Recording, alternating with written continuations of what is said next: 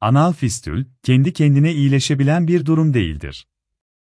Kendi kendine iyileşmesi beklenirse durum daha kötü bir hale gelebilmektedir.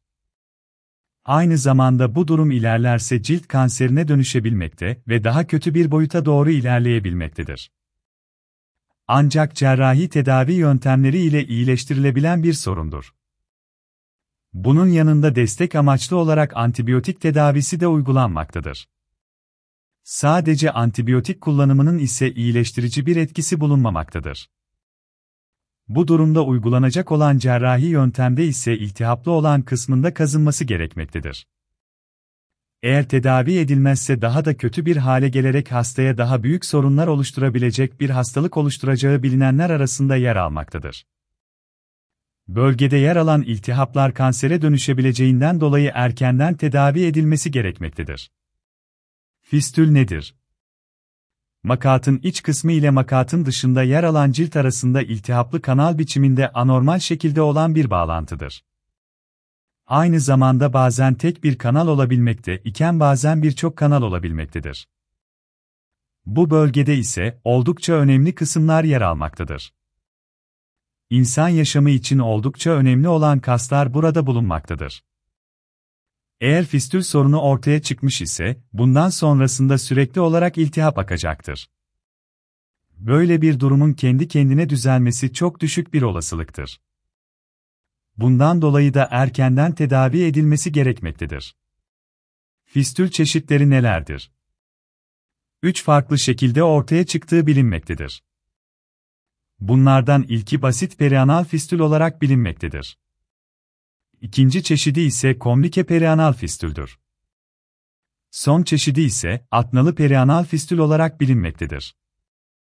Öncelikle basit perianal fistülde iç ve dış delikler makata en yakın olan olarak gözlemlenmektedir. Dış delik dışarıdan rahatça görülebilmektedir. Eğer doğru bir tedavi uygulanır ise bu durum düzeltilebilmektedir. Anal fistül, makat fistülü olarak da bilinmektedir. Bağırsağın ve makat derisinin arasında bulunan ve doğal olmayan kanalın oluşmasına verilen bir isimdir. Makat kısmında vücutta yer alan dışkı atılmaktadır. Anüsün içerisinde çok fazla sayıda küçük bezler yer almaktadır. Bunlarda bazı sıvıları salgılamaktadır. Salgılanan sıvılar ile birlikte dışkı kolayca dışarı atılabilmektedir. Burada bulunan bezler ise dışkının tutulmasını ve atılmasını sağlayan kaslar arasında yer almaktadır. Ancak ıkınma ve benzeri durumlarda burada apse oluşabilmektedir. Bu apseler zamanla fistül haline gelebilmektedir. Bunlara mutlaka cerrahi yöntemler ile müdahale edilmesi gerekmektedir. Çünkü kendi kendine iyileşmesi pek mümkün değildir kendi kendine iyileşmek yerine daha kötü bir hale dönüşebilmektedir. Muayene edilmesi ve gerekli operasyonların en uygun şekilde uygulanması gerekmektedir. Fistül genelde apse sonrasında oluşmaktadır.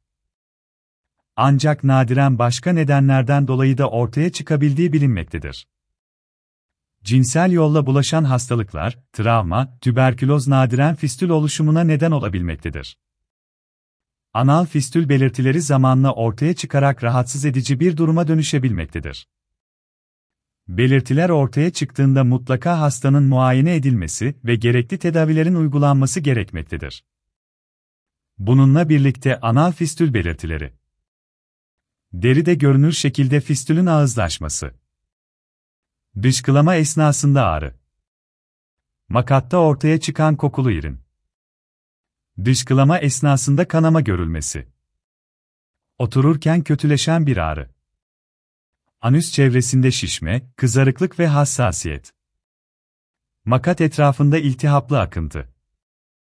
Anal fistül tedavisi için bulunan bazı yöntemler vardır. Cerrahi uygulamalar ile müdahale edilmesi gerekmektedir. Antibiyotik kullanımı ile de tedavi desteklenmektedir. Ancak sadece antibiyotik kullanımı iyileştirme sağlamamaktadır. Mutlaka cerrahi tedavinin uygulanması ve böylece iyileşme sağlanması gerekmektedir. Belirtileri ortaya çıktığı anca beklenmeden müdahale edilmesi önerilmektedir. Çünkü bu sorun bekledikçe çok daha kötü bir hale dönüşmektedir.